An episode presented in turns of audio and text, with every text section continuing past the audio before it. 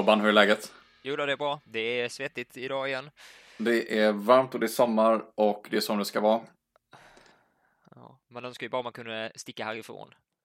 Man önskar ju att man kunde ut på en resa någonstans. Eller Man, Typ eh, helst långt borta. Eller varför inte åka på ett sommarläger? typ ett sommarläge eller bara så här åka någonstans där det är allmänt kallt.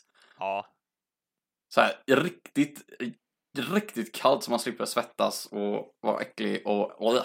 Vadå, bara sätta sig i vakuum eller? Ja men typ, alltså det kan ju vara så här. Alltså om det, om det är vakuum så kan det inte vara varmt, tänker jag. Nej, då är det ju ingenting. Nej, precis. Total vakuum. Så här. Ingen annan i närheten. Bara så här. Sitta någonstans på en planet. Långt bort. Typ månen. Alltså månen hade varit helt okej. Ja, ja, jo, jo, men vi alla har ju hört Ted Gärdestad. Vi vet att vi vill ha en egen måne, så är det bara. Ja, fast så, så, eh, så open är inte jag, tänker jag. Alltså jag, jag kan ta vilken måne som helst. Bara för att sitta där. Och typ kolla på soluppgång eller något annat. Men så här. Hur coolt har det inte varit att kunna säga så här. Ja, men jag var så här. Ja, men vad gjorde du i sommar? Nej, jag satt i karantän. Eller nej, jag åkte till Mars. Italien. Ja, men så här, men så kommer man själv bara så här, jag var på månen och alla bara what? Det måste du berätta om. Ja. Ehm, har du någonsin haft en sån bra sommarresa? Eller vad, vad är din bästa sommarresa som du kan komma ihåg? Räknade vi, eh, kan vi räkna med att jag var i New York för några år sedan? Mitt i Ja, sommaren. det, ja, det kan man väl göra. Ja, men då så, då är väl det, då skulle jag säga att det är det. Antingen det eller Tokyo. Ja, jag har också varit i, jag var i New York för tre år sedan tror jag. Där var det svinvarmt, så det var jag inget äh, jättefan av kanske. Men Ja, För jag kan säga, att komma till Tokyo i sommaren, det är ungefär som att komma till en annan planet. Låter uh, sådär lagom mysigt. Eh, idag ska vi prata om planeter. Ja, Och vi ska prata om eh, rymden. ja. Och vet du vad mer vi ska prata om? En eh, galax långt, långt borta för länge, länge sedan. Eller nej, ja, förlåt. det Fe- kanske... Fel franchise. Ah, kanske, kanske blir lite, lite av det. Man, man vet aldrig var, var man hamnar när man reser i, i, i rymden som vi då ska prata om. Men det vi kommer ju prata om, om spänning och om action framför allt. Eh, monster kommer vi prata om. Så vi ska Eh, prata kom- om den blå telefonkiosken. Ja, ja, det är, ja, det kanske finns sån också. Uh, tänkte vi skulle prata lite om eh, explosioner också och, eh, och romantik måste vi prata om idag också. Ja, ja, det, det känns klart. ju superviktigt. Och du menar hur huvudkaraktärernas liv blev en saga? Ja, nu, nu, nu håller du på att sno min grej här så att eh, Ja, om, du bara då. sitter, om du bara sitter där och lyssnar nu när jag, när jag ska berätta för dig. eh, Okej då. Lite så här. Så, Nej, jag bara känner spänningen här så att jag förstår. Ja, Okej, okej. Ja, ja visst, men låt mig berätta för dig Robban och för er som lyssnar. Rymden. Detta vida mysterium fullt av mörker och avlägsna himlakroppar. Planeter, stjärnor, kometer, galaxer i braxer. Människans blickar har i alla tider riktats mot stjärnorna och mörkret. Frågorna är många och svaren är tyvärr få. Och frågorna är existentiella och praktiska. Vad finns där ute? Vem finns där ute? Är vi ensamma i rymden och universum? Var tar det slut? Hur började allt? Hur kommer det sig att så många i rymden talar samma språk och bland annat skånska? Och vilken roll spelar Thomas Di Leva i allt? Frågor vi aldrig får svar på. Men nyfikenheten finns kvar. Och den nyfikenheten har tagit människans kropp, sinne och fantasi ut på resor genom rymden. Och idag ska vi prata om en sådan resa. Och när började den här resan? Var det då när våra liv blev en saga utan regler och lagar? Och ingen visste om resan hade ett slut? När tre ungdomar på väg till ett sommarkollo plockades upp i rymden tillsammans med en butter taxichaufför? Eller börjar det hela 24 år tidigare? När en rymdkapten zoomade i sjöar och zoomade i berg och zoomade i rökande moln av giftgul färg. Och även om man har nått fram till galaxens slut är resan för rymdens hjältar någonsin verkligen över. Följ med oss i dagens avsnitt av Varning för barnprogram där vi pratar om Vintergatan.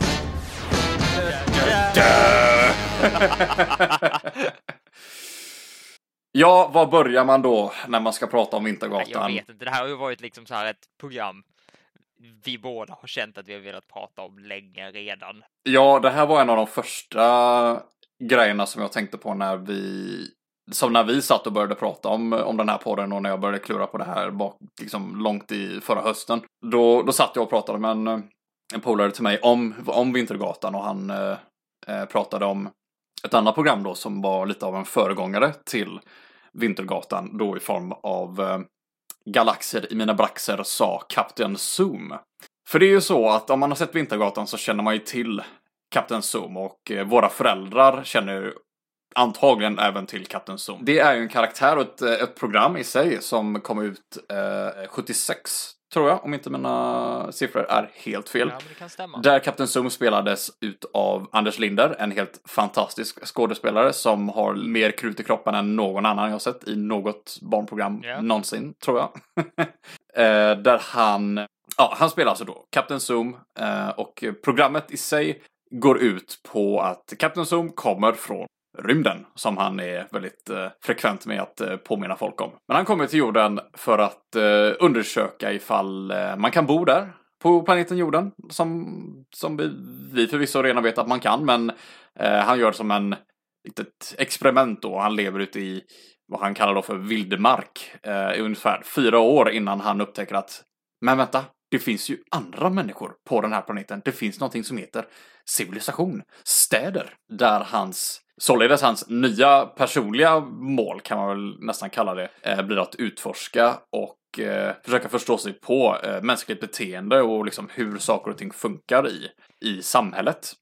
Jag vet inte, har du hunnit titta någonting på, på Kapten Zoom? Alltså jag, jag har sett ytterst, ytterst lite utav Kapten Zoom. Det är liksom min största relation till Kapten Zoom är ju det vi fick i Tillbaka till Vintergatan när han var med där. Men eh, jag har sett lite så småklipp och Mm. liknande för det brukar ju återkomma i, eh, med jämna mellanrum i typ så här SVT-sammanhang med kanske så här bästa barnprogrammen eller liknande eller bara i random klipp på Youtube. Ja, visst. Så det är väl ungefär där min. Just det, och, och de här, eh, den här serien som mycket annat finns ju på SVTs öppna arkiv. eh, no sponsor. Eh, men ja, så jag tror att det är, jag tror att det är ungefär så här tio avsnitt som, som gjordes då utav Anders Linder och eh, Anna Roll tror jag hon heter, som spelar Liselott. En eh, människobo som hon, som eh, Kapten Zoom träffar. Eh, och går ut och liksom upp, han, han lär sig om världen genom henne i stort sett. Och det är allting från eh, Ja, alltså nu försöker jag komma på själv vad som händer i de här första avsnitten. Men han, eh, han lär sig liksom, ja men hur, hur saker och ting fungerar. Liksom, vad är en spis? Hur kommer det sig att man kan få värme genom att vrida på en knapp? Hur funkar en toalett till exempel? Den är, det låter ju som, och, det stämmer lite överens med den lilla bilden jag fått, i alla fall från de klippen jag har sett, att eh, Kapten Zoom är menat att vara lite så utbildande. Ja, och, eh, och det är i allra högsta grad för det, det som jag tänkte på. För jag satt och pratade med mina, med mina föräldrar om det här häromdagen och eh, vi pratade lite om det här om hur barnprogrammen som kom då runt alltså 70-talet hade väldigt starkt så här, att man skulle lära barn att det var mycket pedagogik och förklaring och att man i många fall kunde liksom nästan så här sk- liksom skriva tittarna på näsan. Man, ja, men så här funkar det och det var kanske inte så mycket att man själv tänkte utan man fick berättat för sig hur, hur saker och ting funkar och där har ju Kapten Zoom den rollen att, som du säger, han, han har ingen uppfattning om hur saker och ting funkar. Han har liksom ingen aning om någonting egentligen, men ställer ändå frågor så här, men hur, hur funkar det och varför är det som det är? Och, och eh, det är ju en väldigt tydlig grej då Ja. som sagt med 70-tals barnprogram. För myror är ett annat sånt typ exempel när man liksom är ute efter att undervisa barn och det finns säkert fler och sådana som man kan komma på men där tror jag ändå att det finns väldigt tydligt. Och som sagt, Fem myror är ju ett program som har levt vidare ganska länge efter att det, att det kom ut. Vi såg ju, alltså jag såg i alla fall det när jag var liten och jag tänker att det gör väl du också. Ja, jo, jo, men det så är det. Jag vet inte hur många gånger jag såg det programmet, men det, det, det har vi ju planerat för framtiden, det avsnittet också. Så vi ska inte dwella för mycket på Magnus och Brasse denna gången. Jag vet inte, jag vet inte om det är så mycket mer att säga egentligen om, om Kapten Zoom. Vi har ju massa annat att, att prata om, men eh, Alltså det enda vi kan ju säga är ju att den Kapten Zoom som presenteras i den gamla Kapten Zoom-serien, den eh, är ju, det är ju inte samma nej, det har ju gått några år sedan dess. feeling han har när han kommer tillbaks i Tillbaka till Vintergatan. Nej, Så det jag precis. menar mer är liksom så här, karaktären funkar inte på samma sätt. I Tillbaka till Vintergatan, om vi bara så här hoppar rakt in i då fungerar han ju lite mer som typ så här, en, kan man säga Gandalf-arketyp. Lite så här mystisk guide som bara dyker upp från ingenstans och hjälper till och sen bara försvinner igen. Ja, det... Jo, men det kan man väl säga. Alltså han, det är väldigt mycket, när, när man, när han dyker upp senare då liksom, som sagt i, i Vintergatan så är det ju ganska mycket mystik kring honom och det är det ju egentligen inte i hans liksom ursprungliga program. Det är inte så tydligt än så här med var, var han kommer ifrån men det är ju heller inte fokuset på, eh, för, för den serien liksom att han, Ja. han ska vara liksom, ja den mystiska mannen från rymden. Det är visst att han, han liksom är konstig på sitt sätt men eh, han framstår ju mer som Nej. någon som aktivt försöker lära sig och liksom anpassa sig till, till liksom det samhället vi har på jorden. Eh, och att han senare har en helt annan roll. Då tänkte jag så här, jag ska börja med att fråga dig en sak. Vilken, vilken genre, det, jag kan säga så här, vilken genre är ganska tydligt vad Vintergatan är, det är sci-fi. Men vad skulle du säga var din första så här ordentliga introduktion till sci-fi? Och framförallt, kommer du ihåg när den var? För mig är det en lite klurig fråga, för det handlar lite om eh, vad du definierar som science fiction. Jag tänker eh, runda slängar, alltså kanske inte så mycket, ja men rymdskepp liksom. Det är, det är inte så här, ja men i, alltså rymden i media om man säger så, alltså fiktiv media, science fiction. Eh, alltså.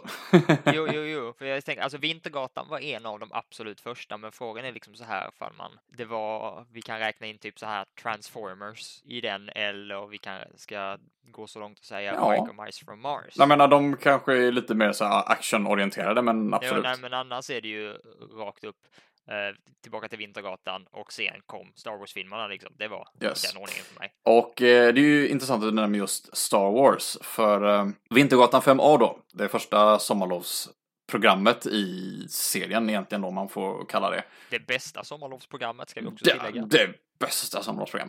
Eh, våran åsikt, vi är eh, väldigt partiska. Bara- Men det kom ju någonting eh, året innan som eh, jag, så här, vild gissning skulle kunna tänka mig att det la nog grunden till varför vi fick Vintergatan när vi fick den. Okej. Vad, tror, vad tror du det var som kom 99? Var inte det eh, Phantom Menace? Yes, den eh, nya Star Wars-trilogin hade ju Ja. sin första film då. Eh, Star Wars Det mörka hotet, eller Phantom Menace då som det heter på originalspråket. Men nu ska jag vara petig här. Det är ju inte nya eh, Star Wars-trilogin där. Det Det- Okej, Star den, den diskussionen ska vi inte ha idag. Det var nytt då och det, jag bara säger så här, det fick antagligen ett uppsving i hela intresset för science fiction. För jag menar, Star Wars är ju en juggernaut utan dess like. Sen Ja, kvaliteten jo. på den kan man ju diskutera, men eh, Nej, det är jag som det är. menade bara att det är den andra trilogin, inte den första. eh, ja, jag trilogin. vet. Men håll käften. I alla fall så fick eh, Vintergatans, eh, då, den som skapade Vintergatan hette alltså eh, Peter Brage. Jag vet inte om han är producent, men i alla fall regissör. Och som skapare av Vintergatan helt enkelt. Och Mm. han hade ju, jag har läst och hört någonstans att han, eh, som antagligen som våra föräldrar då, eh, såg Kapten Zoo när han var liten. Och bestämde sig för, nej men nu ska vi väl ta oss ut i rymden. Mm. Och att han då kontaktade Anders Linder och frågade så här, ja men vill du vara med och kan Kapten Zoom få vara med? Eh, och Anders Linder har berättat det här i en, han har berättat lite detaljer om det i liksom en intervju som finns på YouTube någonstans. Men, eh, men han var så här, självklart, Mm. självklart ska Kapten Zoom och vara med. Men eh, i Vintergatan så har ju en annan, har Anders Linder en lite annan roll. Han spelar ju en vresig, eh, vresig taxichaufför. Taxigubben. Taxigubben Peo. Peo, Peo, Peo. För er som eh, inte var med då eller som inte kommer ihåg eh, hela handlingen till eh, Vintergatan 5A så kom det alltså 2000 På sommarlovsprogram, gick hela sommaren, ascoolt program. Det var, det var ett, eh, i stort sett då ett rymdäventyr där eh, det var tre ungdomar. Det var Mira, det var Glenn och det var Henrik. Och de skulle iväg då på ett eh, sommarkollo. Och jag tror det var så att eh, Mira då, som man introducerades till första, hon var väldigt så här, men jag vill inte åka på sommarkollo, det ska bli så tråkigt, jag vill hänga med mina kompisar och rida på hästar och hela det köret. Och så har vi Henrik då som är ubernörd eh, och var så här, ja men det ska bli skitkul och intressant och eh, få lära sig mer om allt möjligt. Och Glenn som, jag vet inte riktigt hur han kommer med på hela den grejen. Han känns som den han känns som den mest missplacerade Ja, det- det- det- i hela den trion. Alltså, Glenn är också bara en som ska på det här kollot. Han, Glenn ska ju vara liksom den coola killen. Det är ju så Ja, han, visst. det är ju den arketypen han fyller ut. Ja, precis. Ja, men absolut. Och, ehm, och det är väl, alltså, ja, där skiljer de sig väldigt, väldigt kraftigt. Eh, De, liksom, de, ja, de fyra får man väl säga. P.O. han är ju, ja, trött Ja. och sur.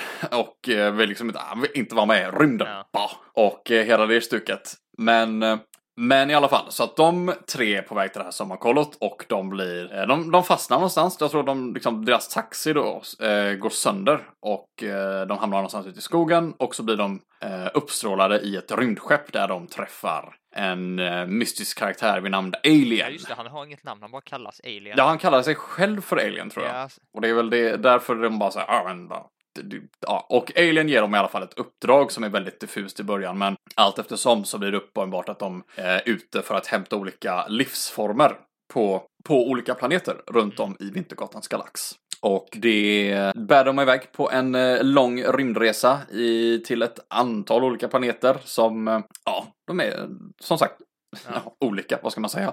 Men eh, bland annat där så har du ju skogsplaneten eh, som de besöker där de träffar eh, det första tecknet på, vad ska man säga, liv på en annan planet. Men de träffar ju då eh, femman Ja. som exklusivt pratar liksom i, ja han kan ja eller en siffra är det han kan. i stort sett. Ja, jo precis. Han kan en siffra och han kommunicerar bara med att säga Ja. 555, 555. Eh, och på samma planet träffar de ju även då Kapten Zoom som dyker upp i ett halvt, halvt ögonblick och träffar Henrik och Henrik är så här, men du är väldigt lik P.O. Så lite fourth wall breaking där. Men det är också en sån grej som, ja men klart som tittare har man ju Ja. koll på det.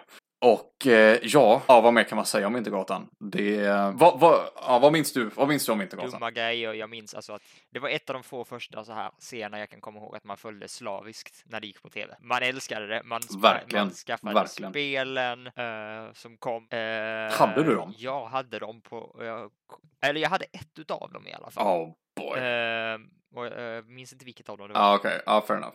Nej, och det var ju verkligen så här, en av de så här första serierna som man blev introducerad till som verkligen var, det var en cliffhanger i varenda avsnitt. Ja. Ja, man vill ju veta mer varje gång. Det var ju så jobbigt att sitta och bara vänta på att, ja ah, men nu, ja, det får du se imorgon eller det får ni se efter helgen och bara, ah! Det var, man är ju så glad att det var eh, liksom så här sommarlovsmorgon när jag såg det i alla fall första gången då 2003 tror jag det var när jag såg det första gången. Ja, okej. Ja, när jag, jag, det här var också ett sånt sommarlovsprogram som vi såg på, Ja.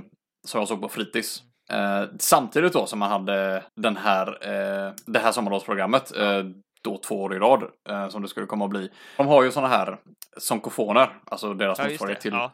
telefoner som kan ringa genom tid och rum och, ja, genom rum i alla fall. Eh, där, och det var ju de i själva programmet som man kunde man ringa till och således föra handlingen framåt, vilket vi pratade lite om i förra programmet. Där, Jo, men det kommer jag ihåg, så då borde jag ha sett originalsändningen också. Ja, det är faktiskt med i det som vi kommer prata Ja. sen då lite tillbaka till Vintergatan. Det finns ju med där för att det som de berättar och liksom Mm. eller liksom, ja, eller berättar. De som ringer in, de för ju handlingen framåt på ett sätt som är ganska avgörande. Och eh, jag satt och kollade på, på det här nu i veckan då och tänkte så här, undra hur det är. Alltså jag, jag är så liksom fascinerad över att de, de måste ju ha spelat in det här med liksom daglig så här kort varsel. Eh, vissa scener absolut, alltså det här med eh, alltså att man är på olika planeter och sånt förstår jag att ah, ja, men det är Ja. inspelat i, i förväg till exempel. Men eh, ändå så himla coolt att ha en chans att bara så här ringa in och liksom vara med och Ja, ja. driva Men- hela handlingen framåt. Alltså hela produktionen i sig är ju väldigt spännande egentligen när man tittar på det nu så här. Man är lite vuxen, förstår lite ja, menar. ja men Det absolut. tog ju flera år för mig. Jag fick reda på det för något år sedan bara att det är ju i Ystad som majoriteten av serien är inspelad för att det är där skeppet finns, eller i alla fall cockpiten. Ja, just det. Man hade ju velat vara på det, på den inspelningen eller liksom bara, ja, om det rymdskeppet fanns på riktigt liksom. Men det hade ju varit, ja, ah, så coolt att, uh, ja, ju. att få vara där. Det var ju en grej som uh, man fick möjlighet till året efter. Då var det ju faktiskt några som de hade ju med på, på inspelningen, men det kan, kan vi komma upp, Ja. kan komma upp lite senare. En annan grej som är väldigt central för um, för handlingen då, Ja. som vi var inne lite på innan, då är ju det här med eh, triangeldramat mellan de här tre ungdomarna. Alltså Mira, Glenn och Henrik. Och eh, den eviga Ja. kärleken ombord. Eh, och framförallt Glenn och Henriks respektive försök att eh, ja, Ja, bli ihop med Mira. Och eh, den, eviga, den eviga kampen liksom. Eh, vad, vad skulle du säga? Är du, eh, är du team Glenn eller team Henrik?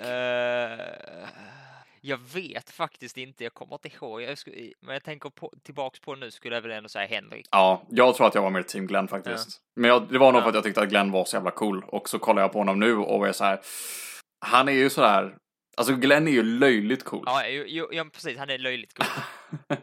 Men eh, liksom, the American Ja, men Glenn på det Skywalker. Och, nu när vi ändå eh, pratade om att Kapten Zoom skulle vara lite så lärande. Och jag inser nu i efterhand att Mm. Glenn fyllde en lite liknande funktion. Okej, go on. Go on. Ja, men han pratade väldigt mycket engelska och använde väldigt mycket engelska uttryck. Men det, det förklarades alltid Ja, vad det var hans- han sa. mm. När han sa någonting på engelska. Förutom när han sa shit och double shit. Ja, jo, förutom de få gångerna när han svor, för då, det är när SVT kommer undan med Sverige bakom när det är på engelska. Men alltså, Ja, mycket visst. av det andra han sa, när saker var liksom coola eller häftiga eller han bara skulle förklara någonting och det kom ut på engelska, så förklarades det på svenska också. Ja, och han, han eh, show off lite med det Ja. i, i första avsnittet där jag tror de sitter liksom fast då i skogen och väntar på att Pio ska fixa Ja. sin, eh, sin taxi och eh, jag tror Henrik drar liksom fram, det, någonstans där får man lite koll på alltså, men vilka de här personerna är. Henrik drar liksom fram en Ja. bok om rymden och allt det på engelska och så kommer Glenn inflytande så här bara Ja. Och läser liksom en hel, en, liksom några meningar på engelska och bara så här, "Åh, Ja. Kan du engelska? Ja, Jag kommer från USA liksom. Så i den aspekten så kan jag förstå att man som ung Ja. tittare kan tycka att wow, coolt med en amerikan liksom. Ja, men jag syftade mer om det att eh, Glenn liksom fyllde lite den här funktionen med att lära barn engelska. Eftersom att Glenn var den co- eller, coola och då ville man vara lite som Glenn och då sa han då coola grejer på engelska så tog man till sig det och försökte lära sig det han Ja, sa. sure. Det var ju ändå rätt så användbara grejer. Mycket yes, no och så här enkla grejer. Men ändå. Ja, absolut. Jag tror inte jag reflekterade, så- reflekterade så mycket över det då, men eh, eller nu för den delen. Men det är klart, nu kan man ju engelska så det kanske man inte tänker sådär jättemycket på. En annan karaktär som man inte får Ja, ja, glömma att prata om är ju självklart Pio. Och eh, han kan man väl nästan säga har den absolut bästa karaktärsutvecklingen av någon i hela Ja. Vintergatans historia. Han, han kommer ju då med på den här eh, rymdresan och han Ja. börjar ju egentligen som den sura taxichauffören som bara är liksom starkt emot att nej men vi ska inte ha några rymdäventyr. Vi ska ner på jorden igen och eh, jag måste komma tillbaka till min chef. Eh, han har ju ett ohälsosamt förhållande till sin arbetsplats och framförallt sin arbetsgivare som eh, ja, trakasserar honom i verkligheten och i hans tankar Ja, och mardrömmar drömmar, eller Ja. mardrömmar om man får säga det. Ja, chefen är ju odräglig, det, det vet man ju, men eh, han har ju även eh, Ja, han har även sin Ulla som man är så, så, som man är så förtjust i. Men, eh, men han är, det tar ju en tag innan han Innan han får liksom chans att liksom visa vem han är och liksom hamnar i en situation där men nu måste jag liksom lära mig och nu kan jag rädda dagen. Men han, det kommer och efter det så blir det verkligen en hel 180 Ja. för, för P.O.s karaktär där han går från att Ja, jag vill inte ha något med det här att göra. Tills att bara, yeah, P.O. P.O. P.O. ja, just Rymdhjälte! det. Ja. Och eh, de andra kommer tillbaka och vad hände med honom liksom? Och, eh, och han är väl egentligen den som har liksom den största resan egentligen. För han eh, blir ju Ja. i slutet av serien kvar i rymden. Och eh, han kommer, de kommer ju tillbaka till jorden så småningom Ja. då. Och han, eh, han tar med sig Ulla ut i rymden och eh, lämnar chefen och jobbet. Men ja, som sagt, chefen, chefen finns ju kvar i hans mardrömmar. Så att, eh, Men det är väl där någonstans som efter det han tar över jobbet på den här rymdmacken som funkade som liksom så här hubbvärld eller vad vi ska kalla det. ja, vi kommer till det alldeles strax, tror Ja, jag. Okej, ja, då är det jag som är för snabb här. Ja, men du, du, du snabbar på väldigt eh, ordentligt här. Men, eh, men ja, absolut. Eh, och eh, Alltså, ah, vad mer kan man säga om, eh, om alla karaktärer? Det, det finns ju, en- vi, vi pratade om det här precis innan och jag tänkte att jag skulle spara det här som en så här bomb som jag skulle ha droppat på dig. Men eh, ja, när vi pratar om det här med eh, romantiken då. eh, så är det ju faktiskt så att även om Glenn och Henrik i serien då försökte ragga på Mira så vet man ju att romans på film och i tv-serier är oftast inte riktiga. Men Ja, ja, nej, nu har du ju förstört allting för mig. Nej, det här går inte. ja, nej, jag, måste varit minst så här 20 innan jag fattade det. Äh, konstigt. det är ju lite kul för det finns ju faktiskt ett par Jaha. i serien, alltså bakom kameran. Om de var ett par då eller inte, det vet vi inte, men eh, du har ju koll på vilka det är så du kan ju bara droppa det. Äh, Jaha, du, du, syftar du på eh, eh, Glenn och Henrik? Eller ja, skådespelarna. Till, eh, Yes. eh, vad, vad heter de nu? Ska vi se, det är... Du har Glenn som spelas av eh, Wilson Michaels och du har eh, Henrik som spelas av eh, Pelle Haneus. Ja, och de två har vi ju fått lära oss var, var ett par. Vid eh, nå- någon gång runt att den här serien spelades in. Ja, det är över 20 år sedan och man var liten och hade inte så här stenkoll på, Ja. på världen runt omkring. Men, och det var lite så här kul, eh, kul trivia. Och sen har du ju då eh, Mira då som spelas Ja. av eh, Philomen Ja. Gardin. Gra, gra, Grandin. Butchade jag det namnet där, förlåt. Och hon är ju även med långt senare i serien. Hon är ju faktiskt med i nästan varenda Vintergatan-produktion som Ja, gjorts. Alltså i alla fall av, liksom, om det, man inte räknar spin-offs eller eh, om man inte räknar då Captain Zoom då, för då var hon väl eh, knappt född egentligen. Ja, jo men det kan nog stämma. Men eh, hon är väl med i Vid Vintergatans slut Just det. också? Är inte hela originalcasten med i den?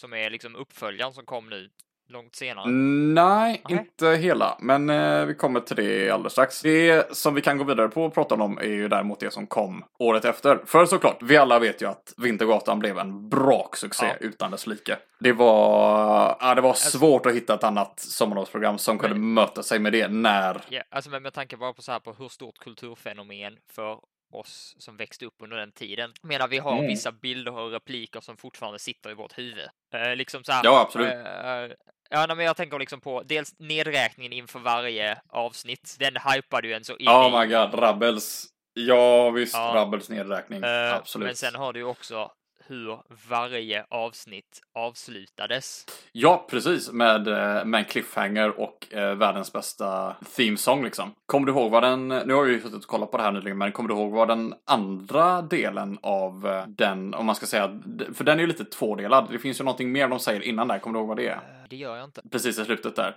De säger det i slutet av varje avsnitt. I alla fall när man, i det jag kan hitta så säger de ta hand om planeten jorden. Så är det. Och kom ihåg att allt kan hända i rymden. F- För det är lite så. Det- Det går väldigt mycket in i det här lite mer klimattemat ändå som liksom budskapet som Vintergatan har. Som någon slags sensmoral. Ja, det är väldigt centralt Ja. i första, första säsongen absolut. Eller första sommaren så var den med 5A att de då är ute och letar Ja. efter eh, livsformer på andra planeter för att sen ta sig, tillba- ta sig tillbaks till, eh, till jorden och lämna de här Ja, eh, nya livsformerna till, jag tror de landar, jag tror att det är Glenn som typ landar utanför FN eller något sånt. ja, jo men det är för de ska rädda liksom jorden från klimatförändringarna eller någonting sånt är det. För jag vill minnas att många av planeterna Ja, har liksom det som så här grej att varför det inte finns liv eller liknande på dem är på grund av klimatet. Just det. Det, ja. det är ju som sagt väldigt olika planeter som de, som de reser till. Och eh, de har ju alla sina egenheter, absolut. Det är väl en, jag tror den sista planeten de åker till är väl så här, någon domedagsplanet som tror jag sprängs i slutet. Ja, ja, det är något sånt. Och de tänk, jag, jag minns när jag kollade på att det var liksom sån här wow moment. Bara så här, en planet där det fanns liksom, muterade varelser som den bara exploderade. Ja, jo, jo, det var, eh, det var, väldigt spännande och samtidigt lite läskigt kommer Ja. jag ihåg när det skedde. Och det är ju någonstans att det finns ju de här existentiella frågorna Mhm. som återkommer i, i hela första säsongen egentligen och kanske egentligen gen- genom hela serien men framförallt då de första avsnitten som man eh, som liten tänker så här, man, sådana så här tankeställare som man kanske inte har, eh, Ja. som inte har stenkoll på eller som man inte, som inte ens, man har inte ställt sig den frågan själv någon gång. Och det är klart att det kanske inte finns några Ja. tydliga svar och så, men det är som ett sätt att introducera lite av liksom Ja. filosofi till, till kidsen. Eh, på Ja. ett väldigt så här grundläggande sätt och bara ställa frågor som att men är vi ensamma i universum? Finns det liv där ute? Frågor vi ställer oss än idag såklart. Jo, men precis, men alltså så här, jag har det är två grejer nu som kommer upp i mitt huvud. Eh, dels det här, men att om vi fortsätter lite på det här klimattemat sure. som ändå var någon slags genomgående röd tråd genom hela första Vintergatan. Uh, den fortsatte ju lite på ett sätt in i Ja. uppföljaren också, med eh, när de introducerade Fifunerna. Just det. Ska vi prata om, eh, ska vi prata om 5B? Jag vill bara göra en väldigt snabb instickare här. Ja, sure. För jag kommer ihåg eh, i förra avsnittet när vi pratade om sommarlovsmorgon mer generellt, snuddade vi lite in på program som visades Mhm. under sommarlovsmorgon. Och du frågade mig om jag hade sett Det vilda djurens flykt. Mm. Jag kom på var jag hade sett det någonstans. Och det var här, i Vintergatan. Ja, just För det. det var ett av de programmen som visades. Ja, jag vet. Nej, jag bara så här, var det? Ja, I know. Det är, ja, jag vet. Det är traumatiskt. Visst var det. Ja, det- ja det är programmet. Jag har en lista här på de programmen som visades. Det enda som jag kommer ihåg från eh, Vintergatan är väl, jag tror de visade Vi 5 Ja. och eh, ja, och det är väl Hike också. Yes. Eh, vi fem visades på måndagar, Det vilda djurens flykt, tisdag, onsdag, torsdag och sen Hike på fredagar. De hamrade nämligen verkligen hem den serien. Att man inte är Ja, mer ju. traumatiserad från, från det sommarlovsprogrammet som man är.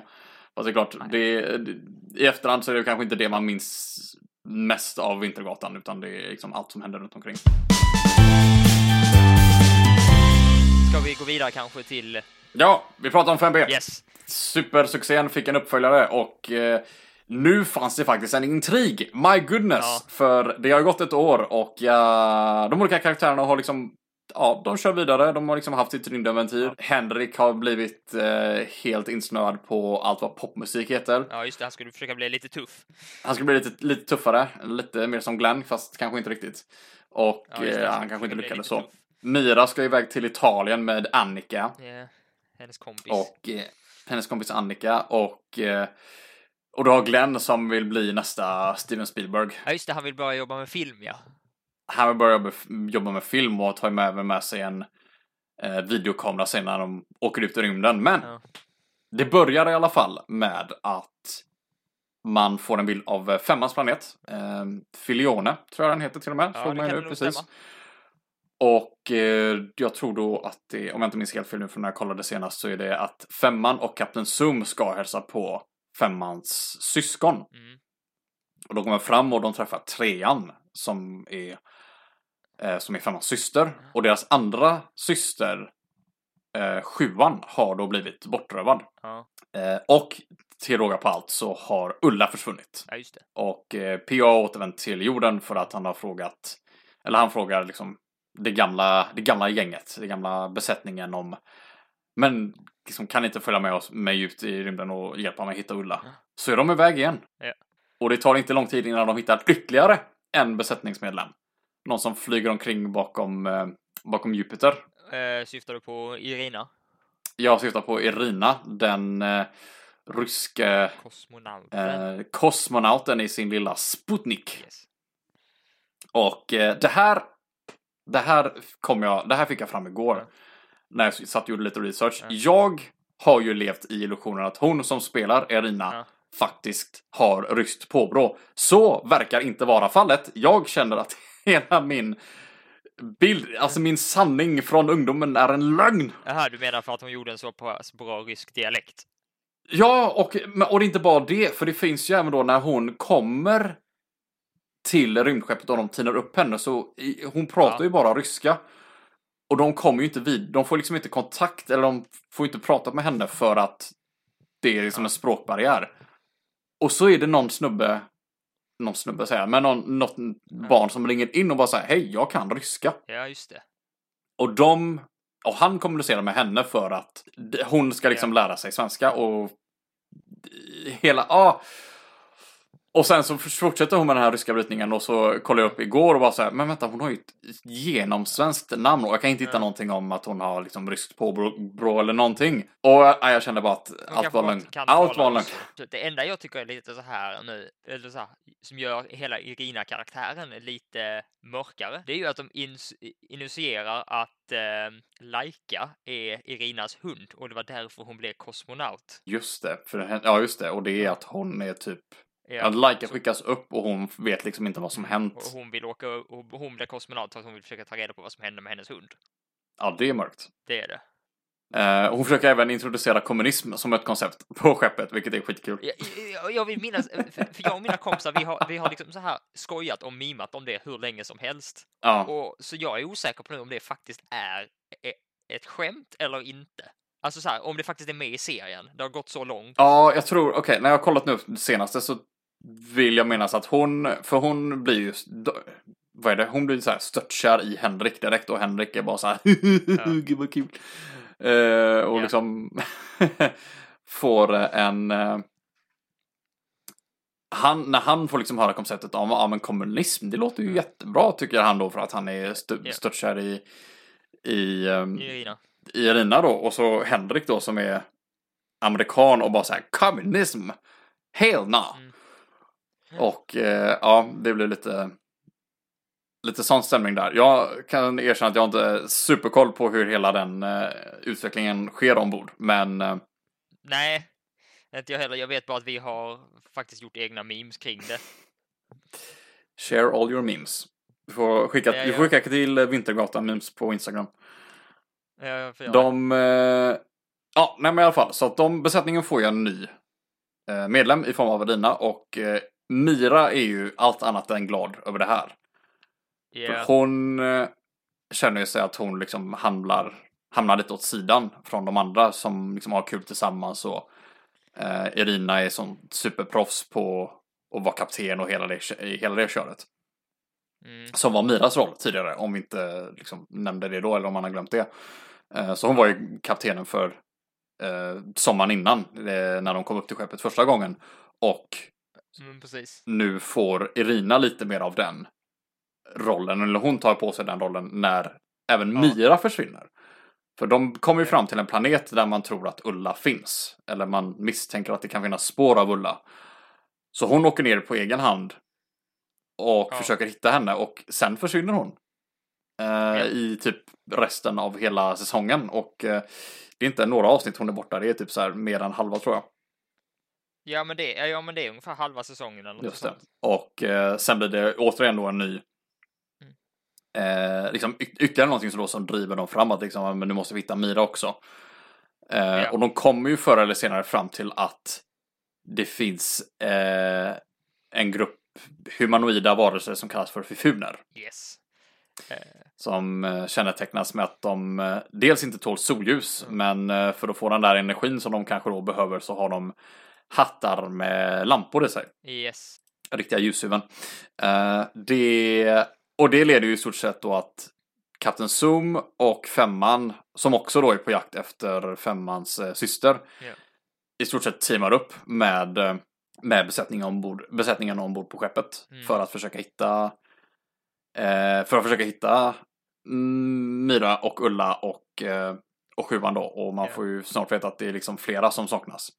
Eller som blivit bortrövade. Alltså, jag vill ju bara minnas att jag hade några eh, kompisar som tyckte fifunerna var väldigt läskiga. Ja, precis. Eh, De är inte de mysigaste. De är liksom, ser man på dem idag så ser de lite, lite så här tacky ut. De kan man tycka. Jag har sett det, därför säger jag det. Deras kostymer är väldigt lätta att göra idag. Om man skulle få för sig att klä ut sig på det på halloween.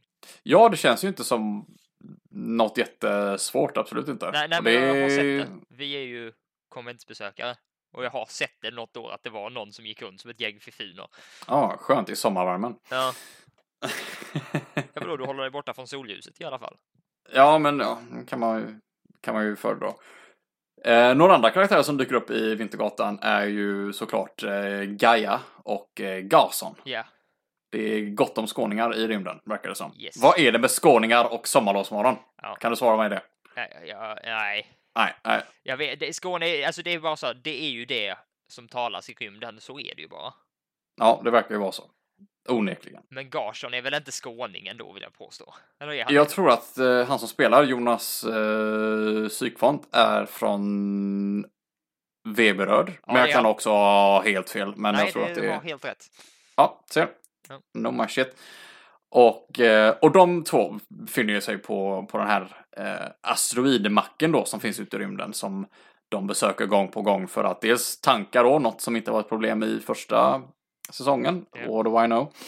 Och, eh, och Gaia kommer konstant med, liksom med eh, ledtrådar och tips då till de olika besättningsmedlemmarna mot någon form av betalning. Absolut. Och så har du Gorson som är hög på helium. Ja, jo. konstant. Ja. Eh, men det är ju även eh, eh, där Jonas, eh, vad sa vi, synkfont? Eh, Jonas Sykfont. Psykfont. Eh, det är även han som spelar femman. Det är även han som spelar femman. Och vet du vilken annan eh, karaktär han spelar? Benke Bengtsson. Benke Bengtsson! Jag Precis. komma på var han nu var med någonstans. Okej, det ska jag berätta för dig. Benke Bengtsson var en, eh, var en omkringresande, i, alltså rymdresande då får man nästan säga. Eh, sales, salesman. Han jobbade då för Intergalactic Multitool AB. Och han dök upp på rymdskeppet titt som tätt för att försöka sälja eh, någon form av så här multitool då. Eh, stora, gul, liksom gult var hans färg. Eh, allt han hade och sålde var i stort sett gult förutom hans kostym typ. Ja, Eh, Och han hade då typ så gigantiska fickknivar då, alltså ja, multitools med olika löjliga eh, tillbehör och eh, med var det inte den som hade en tandborste i sig bland annat? det hade massa olika grejer. Ja. Jag tror att det första han försöker sälja är så här allt i allo eh, toalettkit, typ så här med toapapper, kam, nagelklippare, något sånt. Ja, Säkert det, en ja. fil också som han säger det finns med idag, det finns inte med imorgon. Och, eh, och med sig då har han ju alltid några som eh, lyftar med honom. Ja.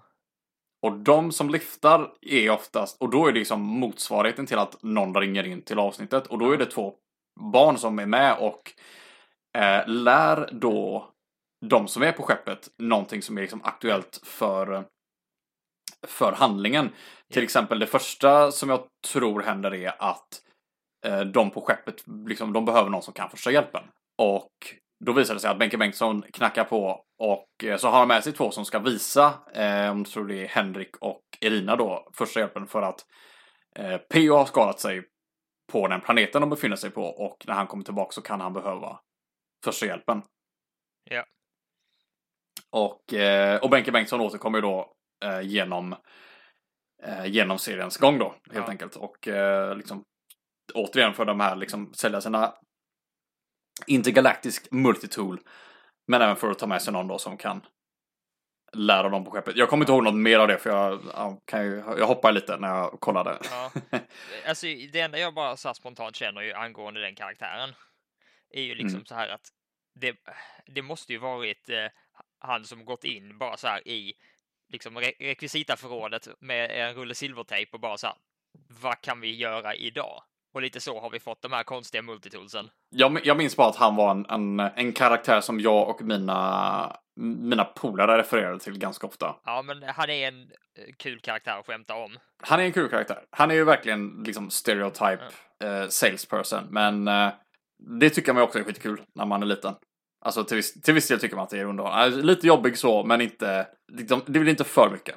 Och det är väl liksom, man får hitta den balansgången där liksom. Och det är väl alltså egentligen med alla stereotyper, vilket jag tror att de hanterar ganska bra Absolut. i Vintergatan överlag. Alltså, visst att vissa karaktärer, de har sina liksom arketyper såklart. Men eh, Ja, det blir aldrig, liksom, det blir aldrig ett hinder för dem egentligen, eller för handlingen att ja, men, någon karaktär liksom är som Peo då, som är liksom börjar med att vara supervresig. ja. Men han kommer liksom in i matchen senare och blir liksom en helt annan, helt annan person. Jo, men precis. Och såklart, där har vi ju karaktärsutveckling, men det är, ja, det är som det. Men bara för att cirkulera tillbaks lite till det här eh, med eh, den eh, så här, miljö och kultur, eller jag säga, miljö och klimattråden tråden som ändå Mm. serien hade. Fifunerna, deras så här, hela motivation för att de liksom kidnappade folk var ju för att testa deras smink på andra varelser. Ja, just det. Vilket är ju bara en så här väldigt stark kritik och kommentar kring eh, sminkindustrin idag. Hur vi, eh, vi människor testar på andra djur och liknande. Ja, och liksom, ja men djurförsök och liksom till viss del liksom industri överlag. ja. Kanske till och med. Jo, men alltså det. Ehm, Så att det, det går ju i linje med liksom från eh, Vintergatan 5B och 5A. 5A hade liksom klimatförändringar och sådana grejer. Och här hade vi i 5B hade vi mer klimat så här industrin, så det som förstör istället. det kom ju även en, eh, liten annan uppföljare till, eh, till Vintergatan. En faktisk uppföljare. Eh, jag tror 2009-2010 spelades den in och då kom Eh, då kom man ut med till, eh, nej, inte till Vintergatan. Vid Vintergatans slut. Eh, och det är en serie som vi inte har lyckats kolla på, eh, för den finns inte heller någonstans tillgänglig online, tyvärr.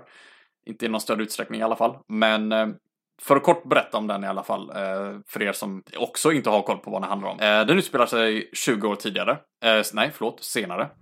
Eh, den, den utspelar sig typ nu Ja. i liksom timeline. Eh, så att eh, 20 år efter, nu är det ju 20 år sedan som Vintergatan kom ut så att den ska typ Ja. utspela sig runt den här tiden. Eh, men det kretsar i alla fall kring Mira igen. För eh, nu har hon blivit vuxen och eh, hon har en dotter som heter Billy. Det är B-I-L-L-I-E, inte Billy eh, som bokhyllan. Och eh, de två dras iväg på ett nytt rymdäventyr med eh, nya karaktärer då, bland annat. Eh, Ja, ja. P.O. finns ju med, såklart. Han är också återkommande, men han, han är ju lite på åren och han känner att ah, men det är dags för dem, de nya liksom att Ja. komma och ta plats. Och med där finns ju även den nya karaktären Pax. Som spelas av eh, Sanna Persson Hallapi. Och de, eh, ja, de eh, är ju på sitt eget eh, så här lilla rymdäventyr och det har varit svårt att hitta någonting om faktiska handlingen i den. Men det som jag lyckats gräva fram är i alla fall att det finns ett nytt rymd, rymdhot, det finns nya skurkar. Ett, en liten trio då som kallar sig för Triumviatet, stämma. något sånt. I don't know. Kan man, kan man kolla upp om man vill. Eh, som består av eh, tre superskurkar då. Det är greven, professorn och någon som heter Lennartsson, tror jag. De har en evil superplan att eh, få alla i universum att eh, följa deras order mot sin egen vilja. Eh, så det är i stort sett så här mind control of a planet, vilket så här, ja, kanske inte superbra. Eh, och det finns någonting i början av serien har jag för mig när jag lyssnat på en intervju Ja. med, om jag tror det är med Anders Linder. Där han berättar att i början av serien så finns en konflikt då mellan Billy och Myra. Där Billy inte vill liksom vara som alla andra medan Myra tycker att jo men det är, Ja. det är bra att vara som alla andra. Men Billy bara så här men jag vill vara självständig, jag vill vara min egen person. Vilket såklart är en väldigt bra sensmoral. Det är någonting man såklart ska sträva efter med en Ja. viss balansgång kan man väl också tycka. Eh, och då har man sedan då liksom det här, den här skurkligan då, triumviatet, som vill göra exakt det som Mira vill fast på en helt annan skala och med helt andra motiv. Eh, man har ju också då liksom fått in hela hipp-hipp-gänget i den här produktionen. Ja, men precis var det jag skulle eh, säga här. Jag menar, det är en rätt så okej cast ändå de har liksom av så här personer man känner igen. ja, vad är det med, vad är det med skåningar och Vintergatan? Va? Vad är det här? Skånska är det officiella språket för Vintergatan. Allting kan hända i rymden. Ja, Så här, Billys klass när Billy går i skolan. Det är inspelat i Hjärup. Mm. Det borde ju betyda ja det, lät, det lät jätteskånskt. Det lät jätteskånskt. Jag har ingen aning om vad det ligger. Hjärup, det ligger eh, utanför Lund. Ja, okej. Det borde ju betyda att Mira har bosatt sig här nere i Skåne. Ja, Ja. hon har ju flyttat från Växjö i alla fall. Det säger de ju. Men det kan också ha att göra med att eh, huvudinspelningsplatserna för till eh, vid Vintergatans slut är Ystad och Malmö. Just det, de har ju byggt upp jag tror att ja, men hela alltså alla interiors är väl inspelade där i Ja, stort sett. är Ystad framförallt. Eh, Du har eh, lite grejer inspelat i Borlänge också, men jag tror det mest är så här utomhusmiljöerna. Det är ju, där får man ju vara lite mer flexibel. Jag tror till och med att de är i, i Turkiet och spelar in delar. Det är någon ska vara på en sån här vinterplanet eller någonting och så är de i Turkiet och spelar Ja, jag in. har ingen riktig koll på vilka scener som är inspelade i Turkiet, men jag vet, det är mycket möjligt. Jag vet att det är på Ja. Kanarieöarna, för produktionen vill väl passa på att ha lite semester också. Ja, så där. Ja, men varför inte? Bara kör Ja. på liksom. Ja, nej men som sagt, det, det var svårt att få tag på eh, liksom vid Vintergatans slut och kunna se den. Så att eh, tyvärr kan vi inte prata så mycket om det idag, men vi har också hållit på en bra stund här. Det sista man kan nämna är ju egentligen att efter vid Vintergatans slut så fick, så kom det en spin-off på karaktären Pax då, som vi nämnde innan, och eh, fick namnet Pax jordiska äventyr, vilket inte, ja, man skulle kunna säga att det är ungefär som en modernare version av eh, Kapten Zoom egentligen. Eh, Anders Linder är berättarröst när eh, karaktären Pax då som eh, har fastnat liksom, i omloppsbana runt jorden. Eh, springer runt och letar efter delar till, Ja, till det. sitt rymdskepp tror jag det Jag såg ett avsnitt för en stund sedan så att det kanske inte har hela, jag, jag kände att jag fick en hyfsat bra koll på, på handlingen där också. Men Ja. som sagt, Anders Lind är med och, som berättarröst. Eh, och det är egentligen där Vintergatans resa Ja. slutar. Eh, just nu i alla fall. Det senaste kom ju som sagt ut. Vintergatans slut kom ju ut, eh, vad sa vi, år runt 2010 tror jag det sändes. 2010. Och eh, den här spinoffen kom, jag tror någon gång runt 2012-2014. Eh, och vem vet, Ja. det kanske kommer mer Vintergatan i, i framtiden. Det hade ju varit lite, lite spännande. Bara liksom se det leva vidare, men eh, det kommer nog inte vara för oss när det väl kommer. Eh, det känns som att vi är lite för, för gamla för den betänkta publiken. Kanske för våra barn, om man kommer till den punkten i livet. Precis. Eh, Ja. Och med det sagt, visa era barn, eh, Ja. ni som har barn och lyssnar på det här, visa dem Tillbaka till Vintergatan. Finns på, på SVT Play. Jag har en grej till dig Robban innan vi avslutar. Ah, crazy! Du ska få nu testa dina rymdkunskaper i ett Vintergatan okej, okej, frågesportsquiz som jag har där. Du har ungefär fem sekunder på dig att svara på varje fråga och första fråga nummer ett kommer här.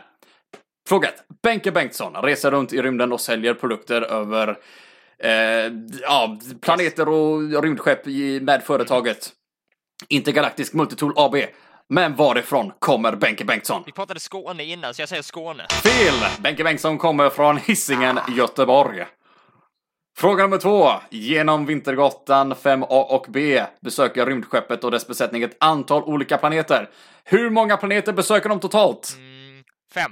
Fel! 10! Jorden är ej inräknat och asteroidmacka räknas inte heller. Det är ungefär fem olika planeter per Är säsong. det så pass många? Ja, ja. Japp, I've done my home school math test thing. Fråga nummer tre. Många av, många är planeterna. Många är planeterna i Vintergatan och eh, eh, de flesta som finns ute i rymden kommer från jorden.